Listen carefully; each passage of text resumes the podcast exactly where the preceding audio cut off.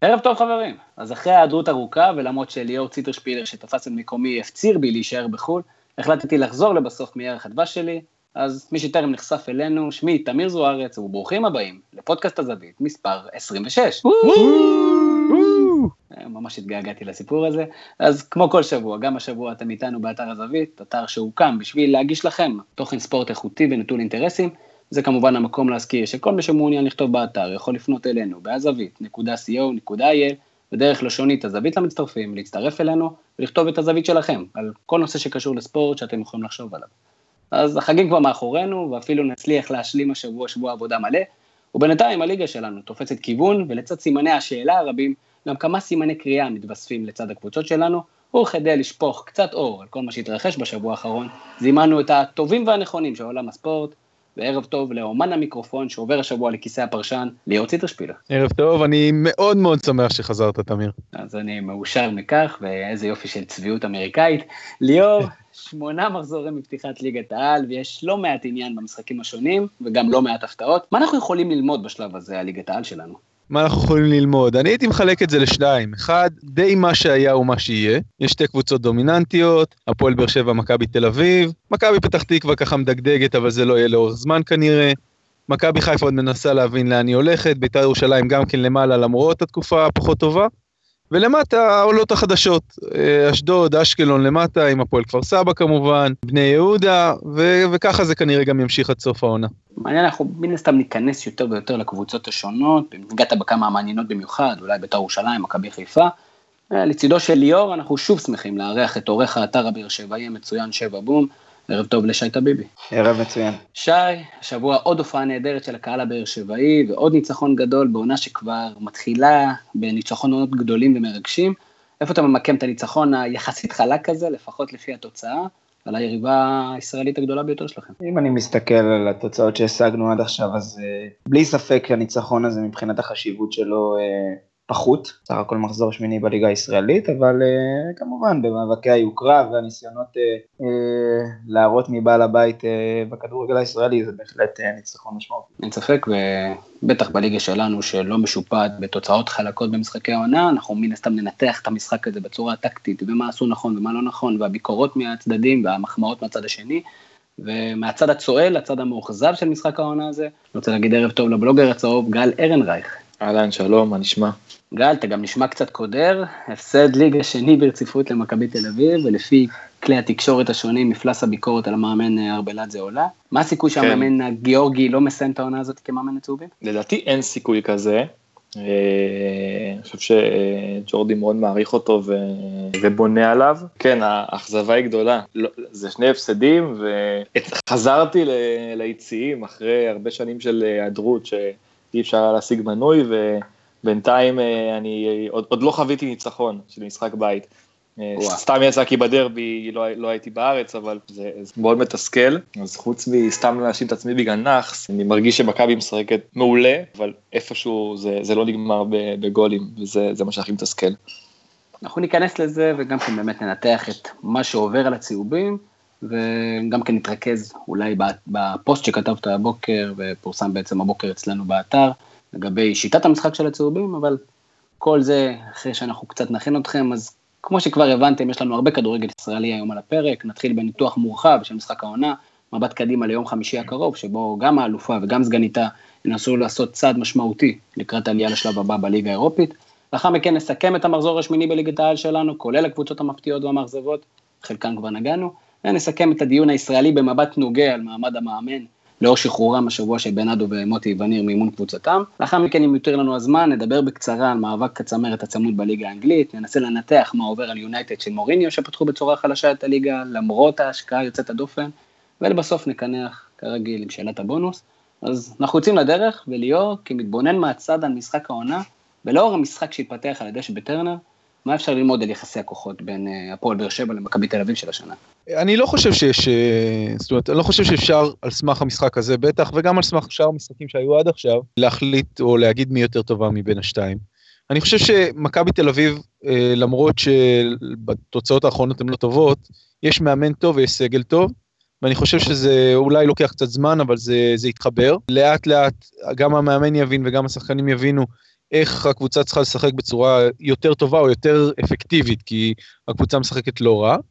אה, הפועל באר שבע של ברק בכר זה, זה קבוצה מיוחדת, זה קבוצה עם אופי, זה קבוצה טקטית בצורה בלתי רגילה, עם חלק אחורי חזק, עם אמצע חזק ועם התקפה חזקה, וכל שכל הדבר הזה מתחבר ביחד לקבוצה, אז מאוד קשה לעצור אותם.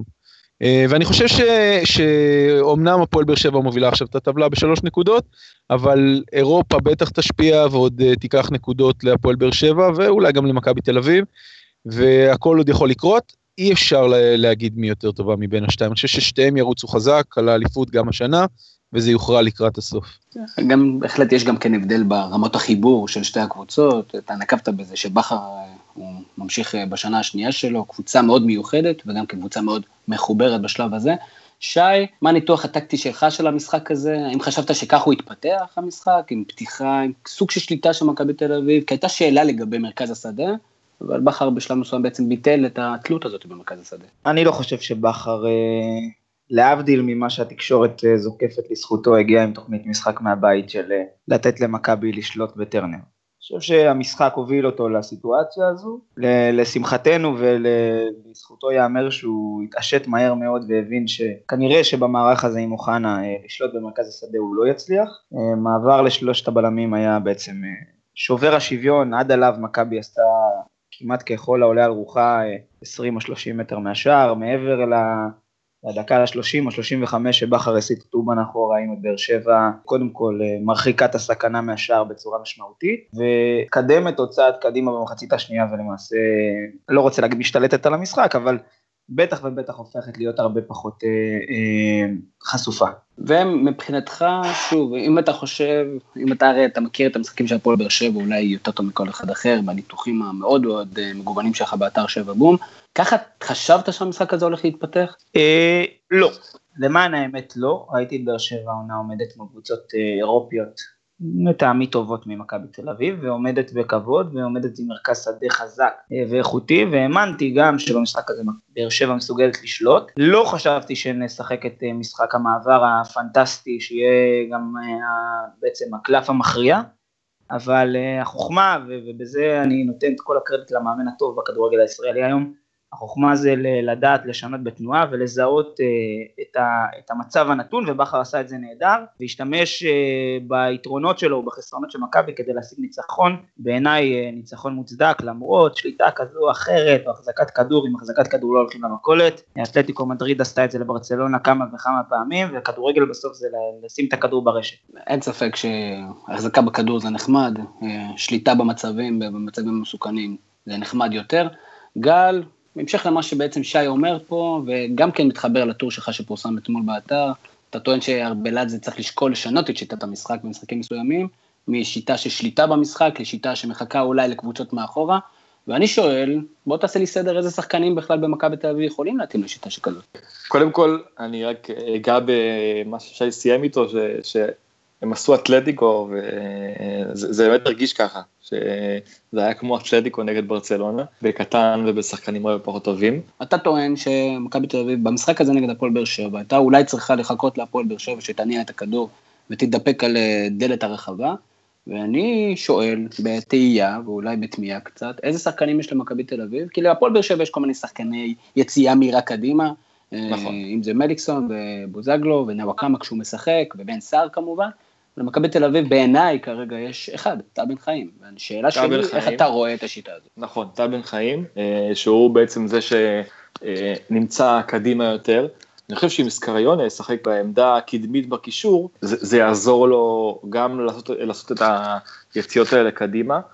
וגם, אני באמת לא יודע להגיד אם, אה, אם זה הכישרון המדהים של אה, איגיבור, או שזה המיקום שלו במערך, אבל uh, העובדה היא שכל משחק, גם בעונה שעברה וגם העונה, כל משחק הוא מצליח להסתנן כמה, כמה וכמה פעמים לרחבה ולמצוא את עצמו לבד, והוא גם מקבל את הכדור. אז או שזה תסמונת השחקן הגרוע במגרש שעוזבים אותו ואומרים, טוב, שימסרו לו לא יעשה כלום, או שזה המיקום שלו במגרש, או שפשוט הוא יודע לעשות את זה. אני חושב שאם ייתנו למישהו אחר להיות שם, אז נדע את זה. אפשר היה לראות למשל בגול הראשון של מכבי נגד אה, אלקמר, שסקריונה עשה בדיוק את זה.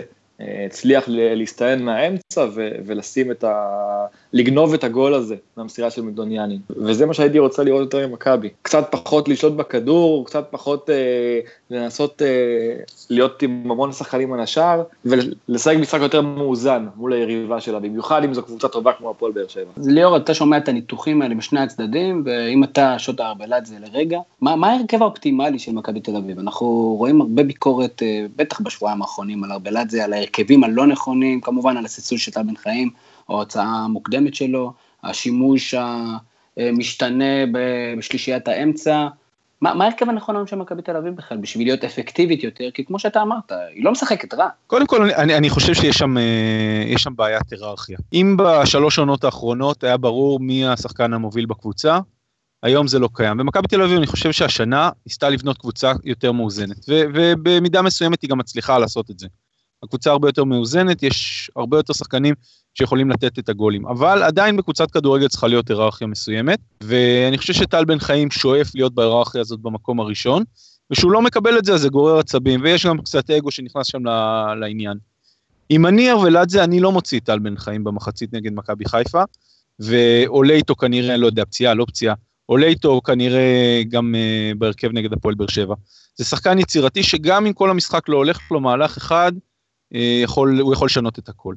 מה שכן, אני חושב שמכבי תל אביב בסופו של דבר, ומה שארוולדזה מנסה לעשות עם, ה, עם השחקנים האלה, זה עם סקריונה ועם גיבור, אני חושב שאוהדי מכבי תל אביב אולי לא כל כך מעריכים את הדבר הזה.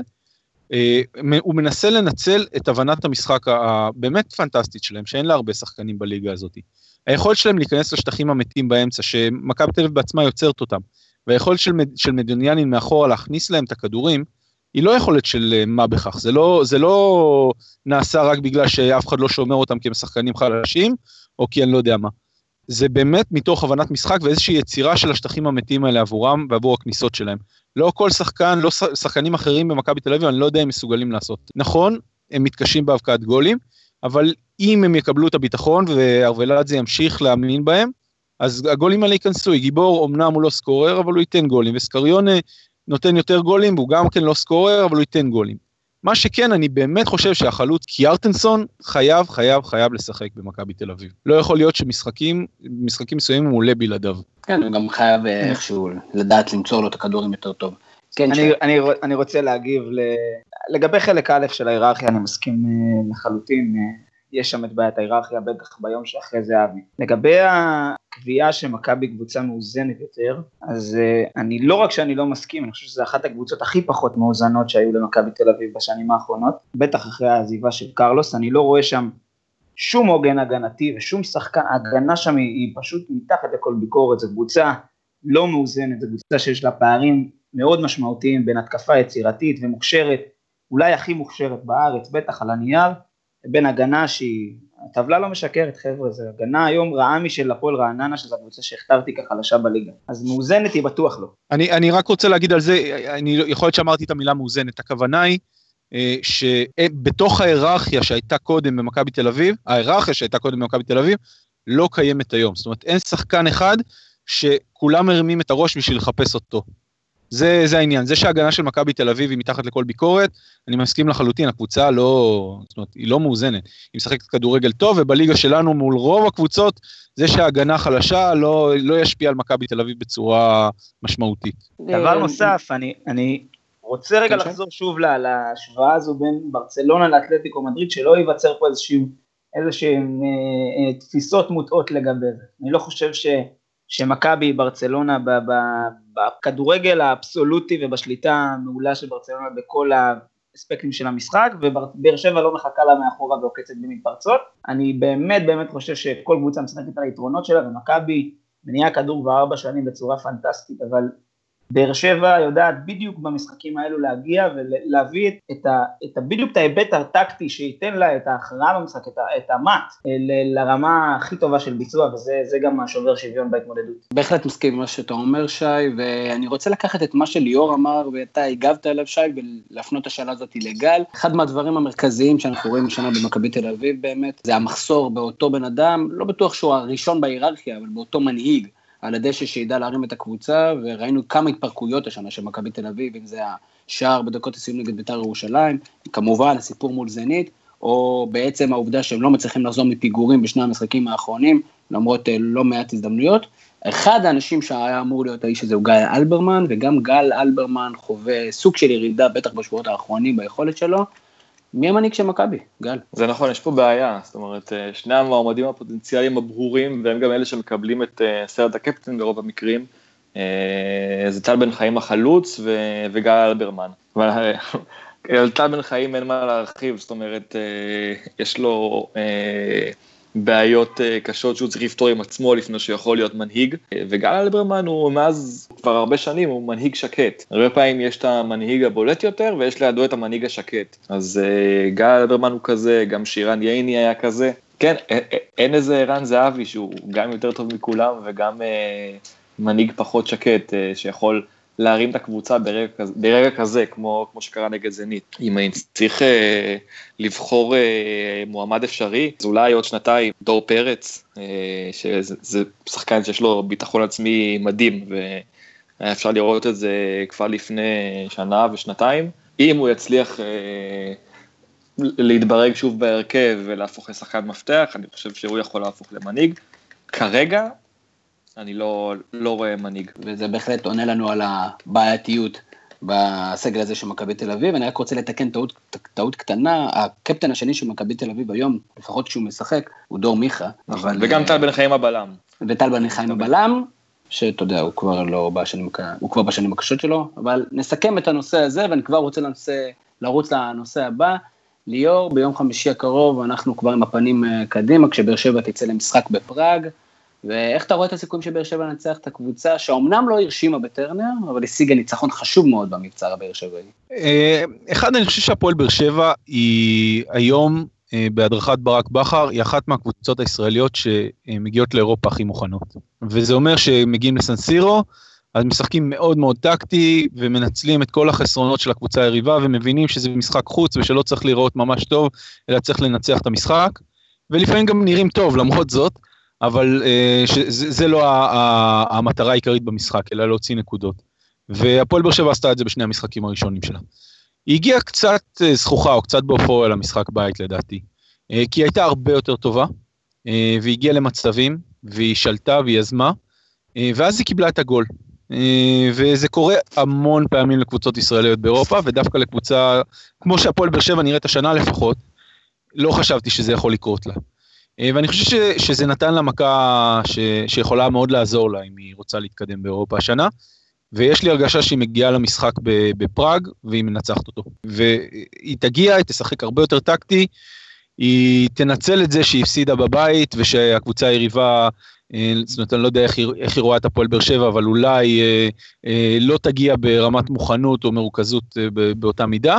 ואני חושב שהפועל באר שבע הולכת להביא משם שלוש נקודות. אנחנו כמובן נחזיק אצבעות בנושא הזה. שי, אם אנחנו מסתכלים על ההרכב שהולך לעלות ביום חמישי, האם בן סער שנמצא בכושר מצוין, ומאור בוזגלו שנמצא בכושר מצוין, אתה רואה אותם בתמונת ההרכב? תראה, הדיווחים מספרים שוואקמה נשאר בארץ ומליקסון לא, לא כשיר במאת האחוזים וכנראה שלא ישו. אם הסיטואציה הזו אכן נכונה אז אין שום אה, ספק שגם סער וגם אה, בוזגלו יעלו ב-11 ובכר נמצא בבעיה לא קלה בהיעדר אה, שני השחקנים האלו. אני מניח שהוא ימצא את הפתרונות וידע ל, ל, למצוא אה, את השחקן, את האקס פקטור ש, שיביא איזה ערך מוסף במקומם, אבל בלי ספק החיסרון הזה משמעותי ביותר. ואם אנחנו מגיעים לרמת הנקודות, כמובן שבאר שבע צריכה לעשות משהו בשביל לקחת את הנקודות האלה בפראג, אני לא הייתי מזלזל במשחק הזה, למרות העדיפות הגדולה של באר שבע במשחק הראשון. תיקו במגרש חוץ כזה ייחשב הישג, למרות שזה כנראה יסבך את הסיכוי? אני לא יכול להסתכל היום על באר שבע במשחק מול יריבה שלדעתי לפחות שקולה לה, ולקרוא לתיקו הישג, אבל uh, תלוי איך המשחק יתפתח, אני חושב שבסיטואציה מסוימת תיקו יכול להיות uh, תוצאה טובה. בוודאות של לחזור משם עם נקודה כלשהי בטח ובטח עם שלוש נקודות זה, זה must, אבל uh, אנחנו לא, עדיין לא נמצאים בנקודה כזו ש, שנזלזל בנקודה בחוץ מול פראג שניצחה כבר בבית את אינטר. לא הישג, אבל בהחלט לא, לא נתאכזב. שוב, זה זמן טוב אה, להחזיק אצבעות לבאר שבע, אה, שתמשיך לייצג אותנו באירופה. גל, מכבי תל אביב השיגה לפני שבועיים ניצחון גדול בהולנד, שאולי קצת יתקבל בטבעיות מסוימת בתקשורת. הגומלין ביום חמישי יכול לתת למכבי מקדמה גדולה להמשך. איך אתה מנתח את המצ'אפ הזה? אני חושב שקודם כל מכבי צריכה להתרומם אה, מורלית, אחרי שני, שני ההפסדים שהיו לה עכשיו בליגה. למען האמת, קשה לדעת, זאת אומרת, אה, לא חושב שהניצחון היה ניצחון אה, של משחק גדול ו- ושליטה מסוימת, אבל כמו שכבר ציינתי לפני כן, דווקא כשמכבי באה כ- כחלשה יותר או שווה מינוס, אז הסיכויים שלהם גדולים יותר. וגם הפעם אה, היא משחקת בחצי בית שלה. אז אתה אופטימי. אני אופטימי, כן. בוא נראה, ליאור, אתה אופטימי גם כן, איך אתה רואה את הסיכויים של מכבי תל אביב במשחק הזה? לצערי, אני חושב ש... שמכבי תל אביב הולכת להפסיד את המשחק הזה. אני חושב שהניצחון אה, באלקמר, אמנם היה אה, מרשים, ניצחון מול קבוצה הולנדית, מכובד מאוד, אבל לא, זאת אומרת, אני חושב שאלקמר קבוצה יותר טובה, ו... המחלה הזאת של קבוצות ישראליות, אה, מכבי תל אביב הולכת להידבק בה במשחק הזה לדעתי, ואלקמר לא, לא תהיה מדהימה, וכולם יגידו וואו איך מכבי תל אביב לא לקחה את הנקודות מהמשחק הזה, אבל אלקמר תיקח שלוש נקודות הביתה. אז כמובן שאנחנו רוצים אה, לנכס אותך ולהגיד לך שאנחנו אה, מסכימים איתך, ושאלה יחסי הכוחות, אבל דשנו באמת יותר מדי בבאר שבע במכבי תל אביב. ופרט לשתי הגדולות של הליגה שלנו, הליגה הזאת ממשיכה להתפתח לכיוונים מעניינים, ומכבי חיפה מסקרנת, מחברת שני ניצחונות, ושי, ההתרשמות שלך עד עכשיו, והמהלכים, וסוג של היכולת הטקטית המשובחת שמולינסטיין אה, מציג בשבועות האחרונים, מהו גבול היכולת של מכבי חיפה של השנה? אני חושב שעוד מוקדם לקבוע מה גבול היכולת. אני נוטה לחשוב שזו המחליפה של בית"ר ירושלים בשלישיית הצמרת, קצת יותר מוכשרת וקצת יותר עמוקה. אני חושב אה, שיש שחקן שיכול להיות ה...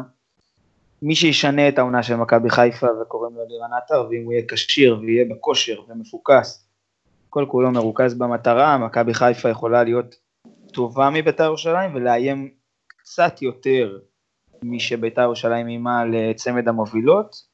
להגיד אליפות אני לא חושב שאני יכול לומר, אבל אני גם לא הייתי פוסל את זה על הסף, העונה הולכת ומסתבכת, מכבי מאבדת נקודות, באר שבע אמרנו אירופה עוד יכולה לאבד נקודות, אני כמובן מקווה שלא, אמה יעמיק, אבל uh, מכבי חיפה תהיה שם, היא תהיה קרובה יותר, מוקדם עדיין. בוא נדבר בסוף הסיבוב. ליאור, בתחילת השידור אמרת שמכבי חיפה עדיין מנסה להבין איזה סוג של קבוצה היא, והגיע הזמן בדיוק להרחיב על הנושא הזה. כן, אחד, אני רוצה להגיד אני מאוהב. אה, ברנה, באמת, כאילו זה... סוף סוף יש לנו מאמן, שרואים שהשחקנים עולים למגרש אה, והוא לא, לא אומר להם משהו בסגנון רוני לוי, תעלו, תנסו להביא תוצאה טובה. שחקנים יודעים לאן הם צריכים לרוץ, הם מחויבים, הם, הם אה, מבינים אחד את השני, בקיצור, קבוצה. וזה זה, זה משמעותי. אני חושב שהסגל של מכבי חיפה הוא לא סגל לאליפות, בטח לא כשאני מסתכל על הסגל של הפועל באר שבע ושל מכבי תל אביב. אין לי ספק שמכבי חיפה, ממה שאני רואה ב, ב, בזמן האחרון, ואני מקווה שאני לא מנכס פה, אבל אה, אין לי ספק שהיא תהיה, זאת אומרת, אחת משלישיית הצמרת. זאת אומרת, כשאני אומר אחת משלישיית הצמרת, אני מתכוון שהיא תהיה מקום שלישי. אמ, אני, אני חייב להגיד שמהניצחונות אה, על מכבי תל אביב ועל אה, על אשקלון, עלה שהם היו מרשימים והבקענו שבעה גולים ולא לא ספגנו. הרושם, בוא נגיד, הדבר שהכי התרשמתי ממנו בדבר הזה, זה היה לראות את אלירן עטר ואת, אה, אה, וגילי ורמוט חוגגים אחרי הניצחון על אה, מכבי תל אביב.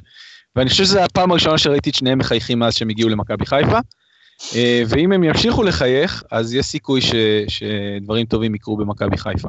אני חושב שכבר דברים מסוימים טובים הולכים, אבל כמובן שההמשכיות תהיה פה שאלת השאלות, בדיוק מול קבוצות מרכז הטבלה האלה שחיפה בדרך כלל מתקשה מולם, כשתווית הפייבוריטית נמצאת על גבה. כרגיל, מכבי כן, חיפה תמשיך ללוות אותנו. יש עוד, יש עוד דבר אחד ש, שאני רוצה להגיד, אה, זה אה, שזה דגש חשוב בעיניי, ואני חושב שמולנסטיין הוא המאמן ה, ה, ה, זאת אומרת, הראשון, לא שהיו הרבה בתקופת אה, תקופת נטע לביא הצעיר, כן? אבל רוני לוי התעקש לשחק עם נטע לביא בתפקיד הקשר מעל הקשר האחורי, תפקיד של קשר 50-50, תפקיד שלחלוטין לא מתאים לו. אה, וסוף סוף אה, מגיע מאמן שמבין שזה הקשר האחורי של מכבי חיפה לשנים הקרובות, עד שהוא יצא לאירופה. אה, המעבר שלו אחורה, וזה שזה פינה מקום מקדימה לשחקנים יוצר, יותר יצירתיים, כמו ואצק לדוגמה, זה, זה עושה הבדל משמעותי, ו, והשנה זה, זה לא יספיק, אבל אם נטע לביא יהיה במכבי חיפה בשלוש, ארבע שנים הקרובות, אני חושב שמכבי חיפה תהפוך להיות קבוצה הרבה הרבה יותר טובה. בהחלט יהיה מעניין להמשיך לעקוב אחרי אה, נטע לביא, שללא ספק אה, עד עכשיו מתחיל, פותח את העונה הזאת מצוין. גל, בית"ר ירושלים שוב לא מצליחה לנצח, אתמול עוד משחק מאוד מוזר, בעיקר היא מציגה קבוצה לא מסודרת, בעיה קשה בהגנה. ושאלת השאלות, האם שעון החול של רן בן שמעון הספיק כבר להתהפך? לצערי, אה, ככה זה מרגיש. בארץ אה, לא נותנים למאמנים יותר, יותר מדי זמן לעבוד, איכשהו נדבר על אה, מאמנים נוספים בהמשך. לדעתי, רן בן שמעון הוא אחד המאמנים הטובים ש, שבארץ, ואם האוהדים חסרי הסבלנות של בית"ר ייתנו לו קצת זמן לעבוד, אני חושב שהם יראו, יראו דברים יפים מהקבוצה שלהם, כי ללא ספק יש עם מה לעבוד. התקפה שלהם היא, היא טובה, למרות העזיבה של אצילי, ויש הזדמנות בינואר לחזק את ההגנה, יש להם אה, בלם אה, זר מצוין, שאני אני לפחות הייתי שמח לראות אותו במכבי, ויש איפה להשתפר, לא, לא הייתי צולב אותו כל כך מהר, זה לא ששוק המאמנים אה, הוא כזה מדהים ו, ועכשיו אפשר להביא מישהו יותר טוב ממנו.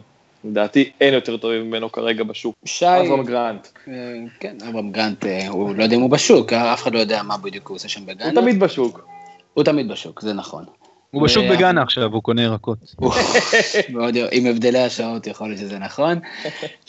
שי, ירון רוסטקר, היום בטור אצלנו באתר, הגדיר בעצם כבר את רם בן שמעון בשלב הזה כאוהד בית"ר ככישלון. ובגלל שאתה מייצג את השפוי יותר, אה, מעניין אותי לדעת איך אתה בינתיים מדרג את הקדנציה הזאת של רמי שמעון בביתר. הצלחה גדולה זה לא.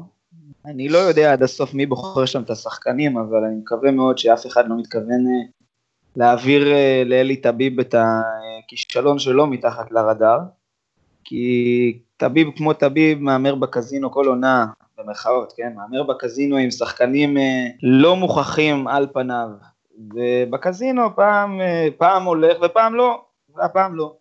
ולא הלך לו עם סאבו שלא רוצה ולא רצה להיות בביתר, ולא הלך לו עם אפרופו רואדה שלא רוצה להיות בביתר, זה מה שהדיווחים אומרים, ודיווחים מאוד מוצקים שהוא לא רוצה להיות בביתר, נכון. ושני מגנים שהם לא מגנים, ודן מורי שאין לי ממש מושג אם הוא uh, חזר מויטס, uh, לא חזר מויטס, וקליימן ש, שלא ביכולת שיא, אז uh, רן בן שמעון יש לו חלק כמובן, אני לא אוהב להשתמש במילה הזו, אבל בשני צמד המילים האלו, אבל הוא גנב דעת לא קטן, אבל הוא לא חף מטעויות כמובן, אבל טביב שותף גדול מאוד לכישלון הזה, ואני לא הייתי תולה בו פחות אשמה.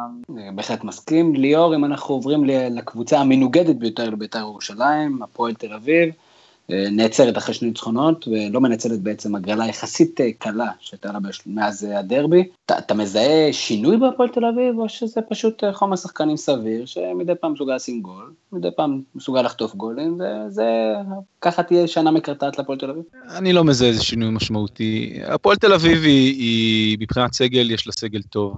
יחסית בליגה הזאת, זאת אומרת, סגל טוב זה אומר מרכז טבלה. תמשיך לקרטע, היא תנצח משחקים, היא תסיים בתיקו, היא תפסיד, היא כנראה תנצח את רוב המשחקים שהיא צריכה לנצח, היא כנראה תפסיד את רוב המשחקים שהיא צריכה להפסיד. זה אני לא צופה איזשהם הפתעות גדולות. אני, אני כן מאמין בגיא לוזון, ואני חושב שהוא יודע לעשות דברים, אבל עד שהמערכת הכללית שם בהפועל תל אביב, וההנהלה, ומי שם כסף, והסינים ולא הסינים, עד שזה לא יסתדר, אז זה לא, לדעתי, אה, לא יקרו שם דברים רציניים. ואם אה, גיא לוזון יקבל יד חופשית, ומי שלא שולט בקבוצה או מזרים כסף, אה, ייתן לו לשנות דברים, אז אני חושב שבעונה הבאה... בערך 18 שחקנים מהסגל של הפועל תל אביב לא ימשיכו. תמיר, אני חושב, ש... אני חושב שתיארת את, כמעט את כל קבוצות ליגת העל במשפט שאמרת. חבורת שחקנים שמשחקים ומדי פעם מנצחים, מדי פעם לא. כל הפרשנויות והניתוחים הם אה, כל כך אה, באוויר. אתה רוצה, אתה, רוצה ש... אתה רוצה שאני אנתח את הפועל תל אביב לעומק ואת השחקנים שם? כי אני פשוט לא חושב שזה מספיק, אה, שזה מספיק חשוב.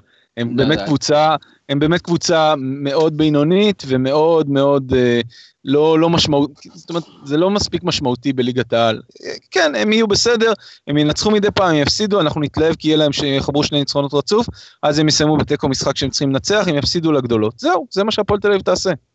אני חושב שאם אנחנו מסכמים את הנושא הזה, השורה התחתונה כרגע לדעתי בהפועל תל אביב, שבשונה משלושת הקבוצות הגדולות כרגע, מכבי חיפה, מכבי תל אביב והפועל באר שבע, אנחנו לא רואים, לא ברור מה השיטה של הפועל תל אביב. אז זורקים כרגע הכל לתוך המגרש, ולפעמים זה מצליח ולפעמים לא, משמע אין פה שיטה, אין פה איזה מה שאתה יכול להגיד, או, זה טביעת אצבע של גיא לוזון, אמרתם גונב דעת, אז אלי גוטמן אמר, זאת קבוצה של גיא לוזון, כשזה כנראה הופיע לו באיזה חיזיון, אבל אולי זה הזמן להודות שאני אוהד מכבי תל אביב, אבל אין לזה שום קשר למה שאני חושב על הפועל תל אביב. אם יש משהו בטוח לגבי הפועל תל אביב, זה שבן רייכרט לעולם לא יצליח להוכיח שהוא שווה מיליון יורו. בהחלט, אבל יש רשימה של שחקנים מאוד מעניינת בליגה הזאת, שתג המחיר שלהם כנראה גבוה יותר מהיכולות שלהם, בן רייכרט הוא רק אה, הבולט שביניהם כנראה.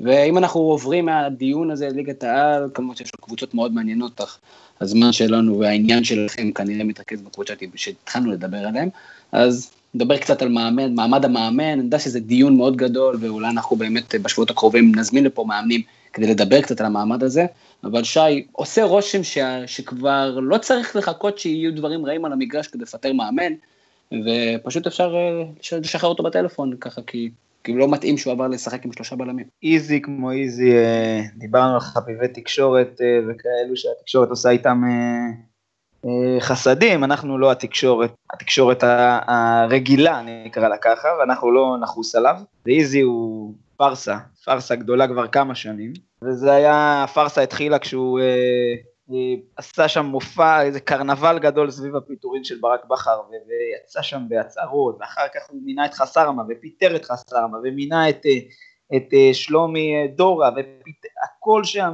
מצחיק ומגוחך, והוא הוא איזי שרצקי רוצה לאמן בקריית שמונה, אז הגיע הזמן שהוא יעשה עם זה משהו, ויפסיק להביא בובות תחתיו, או, או כאלו שהוא מתיימר uh, להעסיק כמאמנים, כי הוא, הוא חולה שליטה וכוח ומעוניין להיות ה...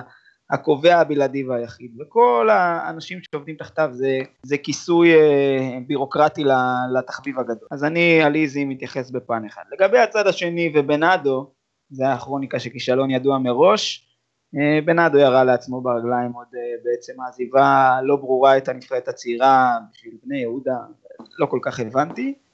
ומשהו על מעמד המאמן, אני קורא שקלינגר מועמד להפועל חיפה, אז בואו בוא ניקח את זה צעד קדימה. זה אותו קלינגר שנכשל פעם אחרי פעם בקבוצה שהוא הולך עליה, זה אותו קלינגר שהיום הוא מנהל מקצועי בקבוצה שנועלת את הטבלה בליגה הלאומית. חבר'ה, משהו פה רקוב, והריקבון הזה כנראה גדול מדי כדי שנסכם אותו בחמש או שש דקות של, של דיון. ליאור, השגות שונות מהניתוח הדי מדויק, יש לומר, ששי אה, העביר פה? כן, איזי שרצקי אני מסכים, אני, אם לומר את האמת, לא, לא היה לי ספק שאיווניר לא יסיים שם את העונה. אה, הוא צריך להביא בובה, אה, וכל מי שטיפה מרים את הראש מעל אז הוא רב איתו ו... ומסתכסך איתו, עיין ערך אה, רן בן שמעון, ברק בכר, חסרמה, ועכשיו ויווניר גם, בדרך גם רוני דור לדעתי, או אני לא זוכר כבר. גיל לנדאו היה שם על איזה שבועיים. גילי לנדאו, כן, כן, נכון, כן. לא, לא, לא חסרים כאלה. אה, כעיקרון אנחנו כנראה נראה ברוב קבוצות הליגה עוד מאמן מפוטר עד סוף העונה. אה, וזה הקרוב ביותר זה באשדוד, אה, רוני עוואט כנראה הולך הביתה ויוסי מזרחי שהתפטר מהפועל ירושלים מחליף אותו, זה רק ככה מכותרות מה, מאתרי האינטרנט עכשיו. יש שם סבבים ברורים כאלה, נכון? כולנו יודעים מי הולך להיות המאמן הבא של פועל חיפה, כולנו יודעים מי הולך להיות המאמן הבא של אשדוד. אתם, אתם יודעים איך העיתונאים יודעים שיוסי מזרחי מגיע לאמן באשדוד? מספרים לי. הגלי עשן באשדוד התחילו לצפצף. קו קו קו. גל, תאיר את עיניי לפני שנסיים עם סאגת ליגת העל שלנו. מי המאמן הבא שהולך להיות מפוטר, מעבר לשניים שאנחנו כבר יודעים שהולכים להיות מפוטרים? כולם. אני חושב שחוץ ממכבי חיפה, מכבי תל אביב ובאר שבע, אה, כל מי שעדיין לא פיטרה מאמן, ואני גם מחשיב את הפועל תל אביב, כי היה שם החלפת מאמן, אה, כולם עוד יחליפו מאמן, כנראה שגם הפועל תל אביב. אתה יודע, אתה אומרים שזה מאוד חשוב לבעלים אה, להחליף מאמן כדי להביא תוצאות, אבל בסופו של דבר זה נראה לי יותר כאב ראש אה, שהאוהדים והתקשורת והגורמים בתוך הקבוצה, כל אחד יש לו מה להגיד. אז בסדר, אז לא הולך, אז נביא אחד אחר ונראה אם הוא יצליח. לפחות שלא יגידו לי שרציתי, שרציתי להשאיר את המאמן למרות שהוא לא יביא תוצאות, ש, שיבושם להם. אם הם נהנים לראות את אה, עטר בנתניה כל שנתיים ואת קלינגר בהפועל חיפה כל שנתיים, ואת אה, שלומי דורה ומרקו בלבול מחליפים את אה, סכנין, כאילו, זה, זה, זה באמת כל כך מגוחך, זאת אומרת. כן, מישהו צריך לעשות טבלה כזאת שמסדרת את כל הסבבים האלה, כדי שאנחנו נראה את הסיבוב שעושים לנו על הראש. אז זה באמת הסיכום של אה, מעמד המאמן. יש סיכוי מאוד גבוה, כמו שאמרת, שגיא לוזון יפוטר מהפועל תל אביב, כי אה, אין שם כסף לשלם משכורות, אבל לרכש יש שם המון אה, כסף, אז יכול להיות שפשוט יפטרו אותו כי לא ישלמו לו גם ככה, ויחליפו אותו במאמן אחר, אז זה סיכוי גבוה. כן, אבל אז יהיה פיצויים, ועזבו, אנחנו לא, לא ניכנס לזה. לא, הם לא משלמים, הם לא משלמים, זה לא רלוונטי. כן, אז עדיין יירשם איפשהו, ופיפ"א יום אחד תבוא ותתעורר, תגיד להם שהם חייבים כסף. ליאור, אם אנחנו רצים, רצים לצד השני והכי רחוק מאיתנו, שזה הליגה האנגלית, ממש בקצרה. תן, תן לי שניים, שלושה משפטים על uh, מה שקורה שם בצמרת, צמרת מופרעת, שלוש קבוצות עם uh, אותו מספר נקודות, גם ארסנל, גם סיטי וגם כן uh, ליברפול האהובה שלי ושלך. ומקום רביעי צ'לסי נקודה הפרש. מה קורה בליגה הזאת? אני לא חושב שזה איזושהי הפתעה גדולה. הליגה האנגלית כל שנה מביאה לנו אלופה אחרת. לעומת גרמניה, ספרד, איטליה, שאלופות הן די קבועות או מתחלפות בין 2-3 בודדות. באנגליה כל שנה יש אלופה חדשה. מנצ'סטר סיטי הביאה את פפ גורדיולה מתוך מטרה ברורה. זאת אומרת, זה, זה לקחת אליפות בכלל בלי לחשוב פעמיים, וכמובן ליגת אלופות. אה, ארסנל, אה, כנראה בעונה האחרונה של ארסן ונגר, אולי סוף סוף תצליח אה, לחזור ולעשות משהו גדול, אבל אני בספק, אני לא חושב שהסגל שלה לאורך זמן מספיק חזק. ליברפול מאוד מרשימה, מבקיעה הכי הרבה גולים, עושה, כאילו משחק כדורגל מדהים, אבל גם היא לא מספיק יציבה בעיניי בשביל אה, לקחת אליפות. זאת אומרת, הם ימשיכו להתמודד שם, וכנראה ששתיהם אה, יתמודדו על ליגת האלופות עד הרגע האחרון. אבל אני בכל זאת אה, מהמר על צ'לסי. אני חושב שצ'לסי אה, לאט לאט, אה, קונטה בונה שם קבוצה, ורואים את החוזק של הקבוצה הזאת, מסגל השחקנים עד הטקטיקה. אה, הוא עושה שם את השינויים הנכונים. לדעתי צ'לסי תלך חזק עד הסוף, יהיה מותח, אבל היא תיקח אליפות בסוף. שי, אתה מסכים איתו? לא. אני, אני הולך עם הסיטי, אני חושב שהקרבות הצמודים האלו הם פרומו לאליפות שלהם, אבל uh, בהחלט זה יהיה צמוד עד הסוף, הפערים לא גדולים, אבל uh, אני לא רואה את פפ uh, שומט אליפות, אה, כמה שנים הוא כבר לוקח שם ברצף, לא, לא בסיטי, עם ביירן וברצלונה. חושב שפפ הוא אשף בלקחת אליפויות מקומיות. אני גם כן, למרות כמובן אהבתי הגדולה לליברפול, אני חושב שעדיין יש להם בעיה קשה בהגנה, כמובן שאני מקווה, מאוד שאתבדה, אבל אני חושב גם כן שפפ ייקח, אבל אני חושב שליברפול תהיה שם אה, עד הסוף, ומי שלדעתי לא תהיה שם, ואולי זה מתחיל להתבהר בשבועות האחרונים, זאת מנצ'סטר יונייטד, וגל, מה השקל שלך על מנצ'סטר יונייטד? ככה, מנצ'סטר יונייטד אה, זו קבוצה שמקרטעת כבר uh, כמה שנים, בעבר מאוד שנאתי אותה, היום אני קצת בעדה, בעיקר uh, בזכות, בגלל זלטן איברהימוביץ', אני חושף ואומר שאני מאוד אוהב את השחקן הזה מכל הסיבות uh, האפשריות בערך. אני חושב שהיא סובלת מהרבה חוסר מזל, מציפיות אה, גבוהות מדי, ובעיקר מזה ש, שהליגה האנגלית היא, היא ליגה ש, שכל משחק בו הוא קשה. זה, זה, זה לא בהכרח פשוט אה, להיות מקום ראשון ו, והכל בסדר. לדעתי, מנצ'סטר יונייטד כן תסיים בארבע הראשונות, אפילו שזה לא נראה בכלל קרוב כרגע, אבל יש עוד עונה ארוכה לפנינו. ובעונה הבאה, כמו, כמו תמיד, אה, מוריניו גם ייקח אליפות. כן, לפי, כמובן לפי הסטטיסטיקה שלו. אז זה הממש מעט שהיה לנו על הליגה האנגלית, ולפני שניפרד מכם נעבור לשאלת הבונוס, וליאור, אני מתחיל איתך, וזה קצת מתחבר למה שדיברנו מקודם. בכל אה, שבוע אנחנו פותחים את העיתון או את אתרי האינטרנט, ואנחנו קוראים שפיפ"א מורה להפועל תל אביב לשלם לעוד שחקן שאפילו, אני חייב להגיד לכם, לא ידעתי ששיחק אי פעם במועדון הזה, ואני שואל אותך, ליאור, בשאלת הבונוס שלנו, מי השחקן הבא שהפועל תל אביב תחויב לשלם לו כסף? אה, מכיוון שאני חושב שבעונה הבאה גיא לוזון הולך להחליף את כל הסגל שלו, אז uh, זה כנראה כל הזרים, אבל uh, אני נורא, נורא מתקשה, כי אני פשוט לא מכיר אף אחד מהזרים שלהם. זה בסדר, ואני... פיפ"א ממציאה שמות של שחקנים, אתה יכול להמציא. כן. כן, אז, יהיה כנראה איזה משהו, אה, ג'מבה ג'מבה משהו, כאילו זה...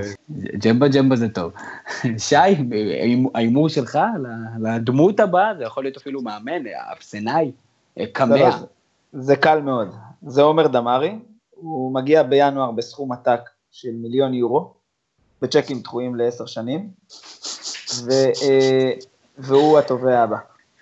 הוא התובע הבא, וגל, אני אתן לך לסיים את הסרט ההסתלבטות הלכאורה הזאתי. גל שיש.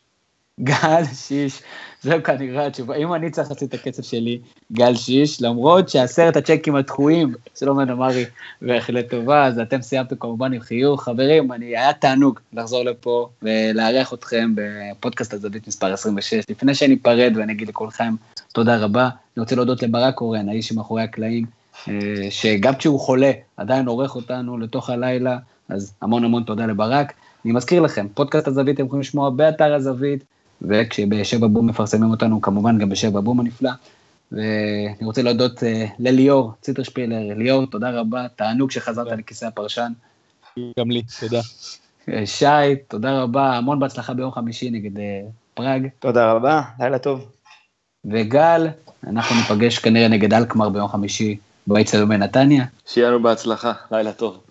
לילה טוב לכולם, אני הייתי תמיר זוארץ, תחזרו אלינו, שבוע הבא, פודקאסט הזווית, ביי ביי.